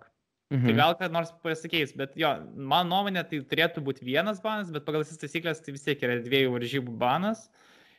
O kas buvo smagu, kad, bet kas nenuvilė šį, šiaip visus sezonus nenuvilė Bundeslygoje, kad teisėjų ir varo darbas nu, yra labai efektyvus, greitas. Ten va tą situaciją nepamatė e, teisėjas, greit nuėjo pažiūrėjo į tą ekraną, greit priėmė pataisę savo sprendimą. Jokių, ten net, netrodė žaidimas per daug sustabdytas dėl to. Jo, aš e, matau, kaip visi kitur skundžiasi ir tyčiojasi Anglijoje, ypač ar čempionų lygoje. Tai mhm. Vokietijoje, tai man atrodo visai gerai ir puikiai. Su offside'ais kažkaip nematau tokių problemų, labai greit įsprendžia, ten paima tą vieną vaizdą, nežinau kokį jį nutarė imt, bet pagal jį greit nusprendžia, yra offside'as ar ne, ir teisėjas gauna tai žinoti labai staigiai. Ten, man patinka, kad nebūna ten užtelstų sprendimų, ten per max minutę galbūt, bet ir tai tikriausiai greičiau priima tos sprendimus. Gerai, tai tada greit pažiūrim, ar yra varžybos, apie kurias mes norim kažką gero pasakyti, kurios įvyko šį savaitgalį. Nes mes nu. nemažai jų, nu kaip pasakyti, per klausimus ir pastebėjimus tokius aptariam, ten ir Dortmundo tą pralaimėjimą, tai ten aišku ryškiausias nepralaimėjimo lygiasias, uh mhm. -huh. kas jiems yra kaip pralaimėjimas, sakykime, prieš Kelną. Tai ten, nu, okei, okay, Dortmundo Munieras klaidą padarė antram įvartį, praleido tą gynėją per jį įmušę. Aišku, po to jisai ten visai neblogai iškišo perdavimą ir neįmušė Holandas, bet po to Munierą pakeitė Knaufas, jaunas toks mhm. žaidėjas. Ir asistavo Holandui vis tiek išlyginamą įvartį. Ten Dortmundas pralaimėjo drąsiai, galėjo paskutinę minutę išlygino. Aš tikiuosi, kad tas krašto gynėjas gaus daugiau žaisti, nes uh, Monieras negali žaisti Dortmundė. Tai Moriai, man rods, negalėjo žaisti, dėl to jisai žaidė. Jo, jo, jo. Uh, dėl rungtynių dar tikrai galim paminėti, kad Frankfurtas sudaužė Berliną, Unionas va, jau muša vėl antras varžybas du įvarčius, bet jau tai jiems nepadeda, nes prasileidžia penkis atgal. Uh, Tai čia nu, labai nustebino tas rezultatas toks, nes Unijonas atrodo su labai tokia stabilia gynyba, bet Frankfurtas jos palaužė. Eintraktas galingai atrodė, man tai ten, kuris, kuris joškiausias įvartis tas. A, Ai, ten, kur nupasavo. Antras, antras man. Jo, antras, antras. Ten, kur, kur Robertas Andrikas. Andrikas į savo vartus. Ja. Bet man e, Liutė labai neužtikrintai atrodė tose varžybose. Ok, aš suprantu, Antraktas yra daug geresnė komanda ir ten praleistų įvarčių gali, bet nu kažkaip tas pozicijas, netgi ten, kur savo vartus praleido, ką jis ten veikia iš vis tam krašte tiek ilgai. Aš nelabai supratau. Jis tikriausiai, čia man atrodo visa problema buvo taip, kad jis galvojo, kad jis daro paslaugą gynėjai atėjęs į arti, arčiau jo, kad jam būtų patogiau pasanumes, bet gynėjas jo nepamatė ir pasavo ten, kuris numanė, kad jis bus, tai prie vartų ir gavosi. Dar paslydo. Kurios nesituacija. Yeah. Bet ir šiaip ten buvo po to Kostičiaus, man rodos, įvarčio situacijai. Irgi jisai atsistoja saugot vartus, jisai turėtų labiausiai šiaip užsimti savo artimą į kampą, o jis ten palikęs didžiausią, didžiausią tarpą. Nu nežinau, labai neužtikrintas tose varžybose. Jis ten buvo išbėgęs nepilnai prieš Silvą, Silvai ten tiesiog pasinumėti į kitą pusę ir viskas, jis vartai tušti, tiesiog gynėjai bando saugot. Slabnai atrodė labai, tai nežinau. Leipzigas kažkaip taip nestipriai nugalėjo Arminiją. Olmo nu, aštuntas asist, asistą padarė. Bet turėjo ją progų, ant kunkų labai gerą turėjo, neįmušę. Tai Leipzigas visada turi daug progų. Man atrodo, aš kiek žiūrėjau, net Leipzigas turi daugiau sukurtų progų negu Bayernas, bet Bayernas vos net dvigubai daugiau įmuša tų įvarčių. Tai tas Bayernas šaltakraujiškumas gal išsiskiria. Gal A, tai klausimus gal kitą kartą paliksim, bet jo, man tai vis dar didelį įspūdį palieka Bielefeldo tas vartininkas Ortega, tiesiog, nes jis vėl ten ir ten kukus, trasmūgį traukia, nu jis labai ten darbuojas. Zabis ir įvartis geras, ten Enkunku su Olmo krašte sukūrė tą erdvę ir po to Olmo tiesiog į pasavo, Zabis ir prie pat vartininko, tiesiog uždaryt. Visi saugų grandys atidirbo. Žiūrėk, ar... Aš dar turiu vis tiek klausimą tau. Na. O kur dingo Angelino? Taigi, tai, taigi tai, Twitter'į rašė, ne, kad sveikas. Ar kur ten? Nu tai Facebook'e. kas, kas čia yra, tai nebe toks sveikas pasirodo, ar Nagels manas yra supykęs. tai pala, tai aš kiek žinau, jis net ant suolo nebūna, tai tikriausiai nesveik, ne kažkas blogai. Ar ne? Ar tu manai, kad čia kažkas viduje yra kažkiek? Nežinau, bet aš pasidomėsiu sekančiai laidoje biški daugiau, nes, nu, nes man, nes, man nes trūksta jo fantasy labai. tai visiems jo trūksta, bet visi jį, bet tasme, Leipzigas jį išsipirko pilnam. Taip, Tai taip. jau čia vis tiek, jau nebegrįšys į Manchester City. Tai aš manau, čia gal kažkas sveikatos problemas. Nes toks svarbus žaidėjas tikrai, ne, ne, nu, bent ant suolo tai tikrai turėtų būti, jeigu galėtų. Ne, aš negaliu nepaminėti, Mainzas vėl laimėjo. Mhm. Ir laimėjo prieš Hoffenheimą. Ir aš netgi prieš varžybas taip galvoju, nu, jaučiu, gali laimėti, bet pabijojau padaryti tai, ką skatinama daryti labai atsakingai. Tai po to gailiausi. Nes turėjo būti ne, neblogas koficijantas. Nu, tai negerai, jie įžaidė kampinį, įdomi visai, pakėlė tokį artimesnį ir nupresingavo Krisą Richardsą, atėmė kamuolį mūšį. Tas pats po to Krisas Richardsas sukūrė antrą įvartį, nu, tas vienintelį Hoffenheimo įvartį. Tai jie tokios Ir- kontrastinės varžybos. Čia įvyko vėl labai svarbus pasikeitimas ta, tam dugne, tai Mainzas po nežinia kiek laiko pirmą kartą išlipo iš iškritimo zonos ir pereinamų į rungtynių zonos.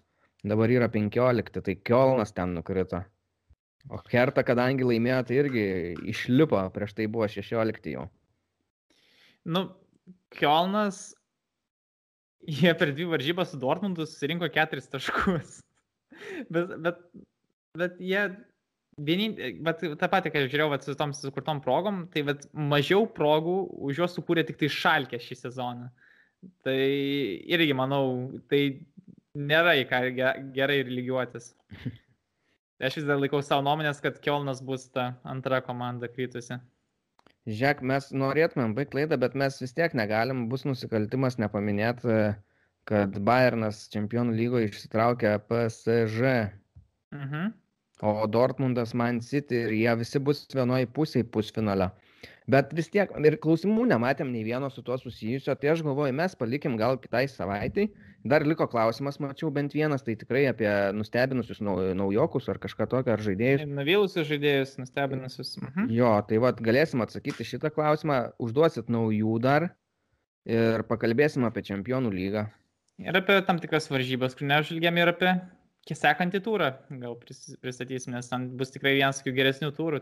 Ma- Jo labai įspūdingas, aš pažiūrėjau, ten yra Minija su Mainzu žaisti, čia iškritimo ta kova ir e, Leipzigas su Bayernu ir, ir, ir Eintraktas su Koskiais su Wolfsburgu. ar- ar Dortmundu. Su Dortmundu, su Dortmundu. Nu, tai, Ir Berlyno derbis. o, tai čia žiauriai geras turas, čia netgi geriausias, sakyčiau, iš tokių, nu, man kiek tai- atsimenu per vienas turą sukritusių varžybų. Mhm. Tai gerai, ačiū tau. Ačiū, kad klausot. dėkui visiems.